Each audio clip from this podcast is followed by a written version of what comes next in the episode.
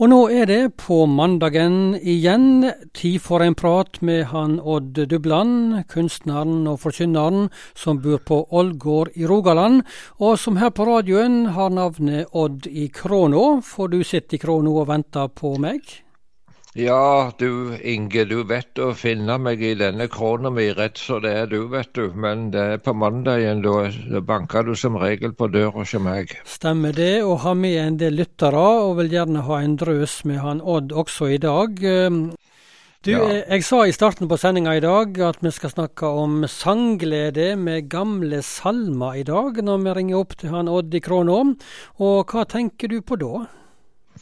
Ja, nå var det slik i går på søndag formiddag så hadde vi møte på Ålgård bedehus klokka 11.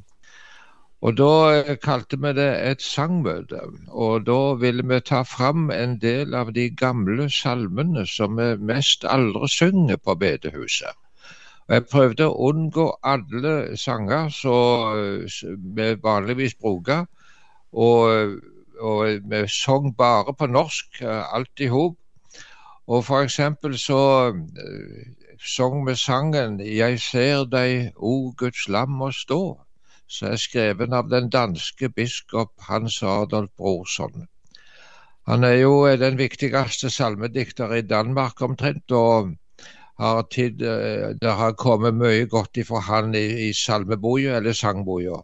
Hans Adolf Brorson. Han var biskop men så husker jeg en gang for en hel del år siden jeg hadde en tur ned gjennom Europa. og uh, På veien hjem så var jeg inne på en tysk uh, campingplass, og der traff jeg et dansk ektepar. Ja, de var ikke noen ungdommer, men uh, så, og det var troens folk, og de var, hadde vært med i Dansk Indremisjon. Og så kom vi i snakk om uh, sang og musikk og den, den, verdifulle ting som vi har fått fra Danmark, og så nevnte jeg Hans Sørdal Brorson.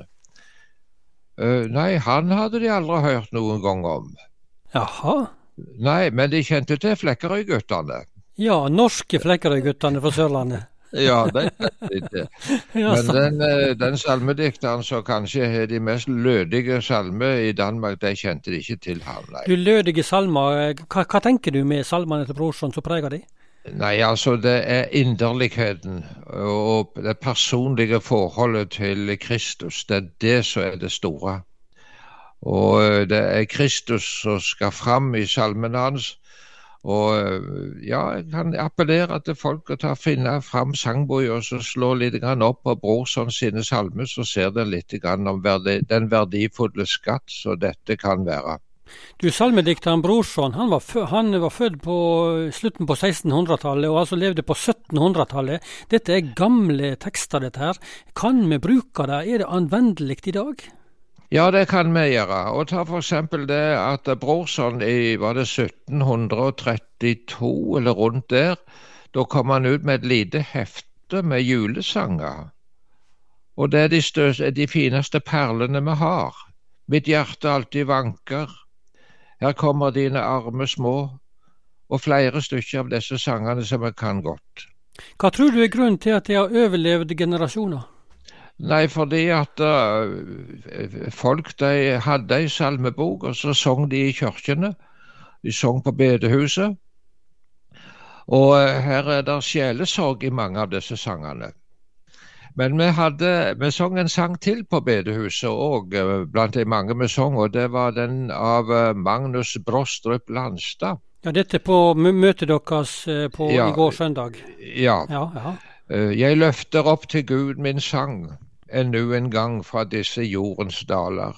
En fantastisk fin himmelsang om det kristne håp. Men en liten sak der som jeg kunne nevne hvordan det kunne være før i tida når det gjaldt å reise. For Magnus Brostrup Landstad han var født oppe i Finnmark. Eh, faren var prest i Øksnes. og så, så, skulle de reise til Vinje i Telemark, fordi at der skulle faren overta et presteembete. Og du vet, når du og meg, Inge, skulle reist til Finnmark i dag, så hadde vi sett oss på et fly, og så hadde vi vært framme om et par timer. Men disse skulle reise sørover da, og da var det med båt. Men så var det i den tid når engelskmennene drev med blokade av Norge. Og de hadde sendt ei last med fisk til Bergen eh, for å finansiere litt av denne reisa, og der ble det kapra av engelskmennene. Så de mistet alt de hadde.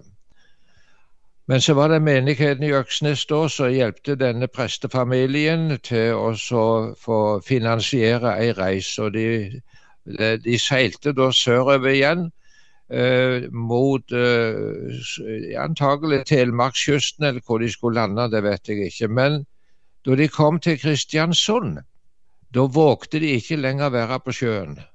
Ikke pga. været, men pga. engelskmennene. Og hva, hva, gjorde de da? Nei, de gikk i land i, i Kristiansund. Og så hadde de ei lita kjerre som de drog og det var ikke asfaltvei på den tid, det var kjerresti og han sa krøttersti. Og denne store familien de begynte på en vandring gjennom Romsdalen og opp gjennom mot Bjorli, opp mot Dombås og nedover hele Sør-Norge. Og da de kom fram til Heddal eh, ved Notodden, da, ei, eh, da kom de inn på prestegarden der. Og det var ei datter der på prestegarden som så disse arme folka som kom. De var kledd som et fantafølge. og det var to av døtrene i denne familien som de hadde mest ikke klær på seg, for de bak, de, klærne som de hadde, kunne ikke skjule kroppen. Og denne reisa, den behøvde tre måneder. Du verden, du verden. Tre måneder var de på reis. Dette var altså fra barndommen til salmedikteren eh, Magnus Landstad? Ja, han var elleve år da dette skjedde. Ja. Jeg tror nok at faren han fikk en knekk på den turen, altså. Men eh, Magnus Brostrup Landstad han eh, ble en fantastisk fin salmedikter, og kanskje den største som vi har i Norge.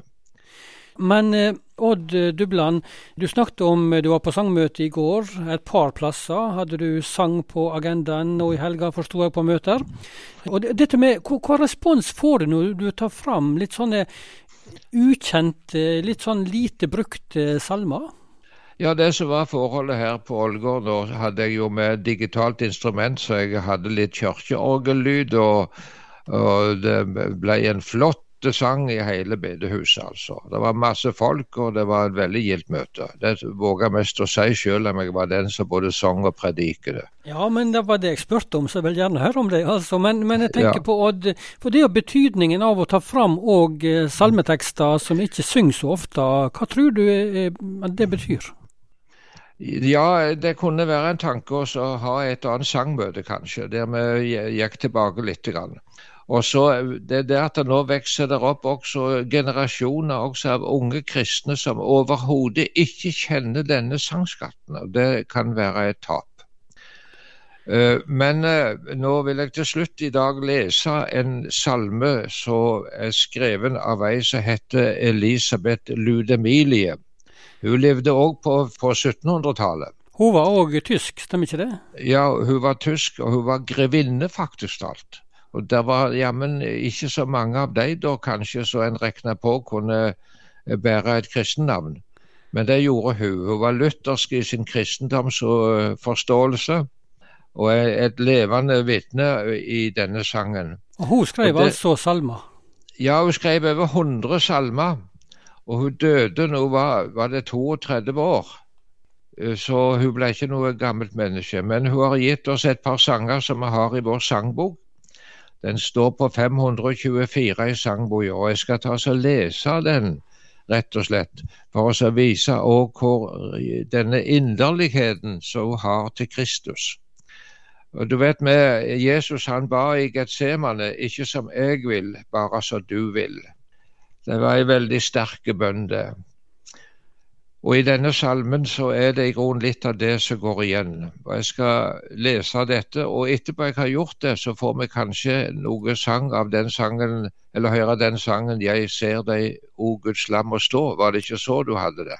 Da har jeg den klar. Men nå først ja. altså eh, teksten av denne tyske grevinna.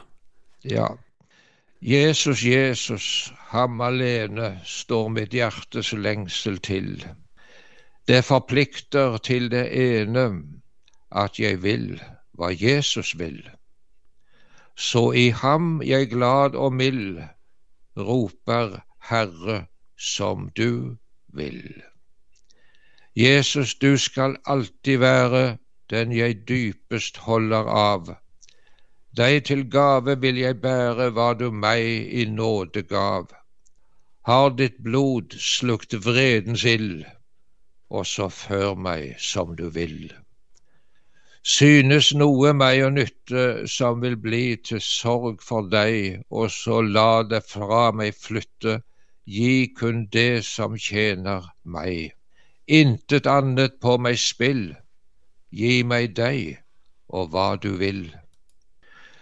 Fullfør så din gode vilje, Herre, i og ved meg du, så skal ingen makt oss skille, ingen glede, ingen gru. Hjertet legger dette til, midt i døden, som du vil.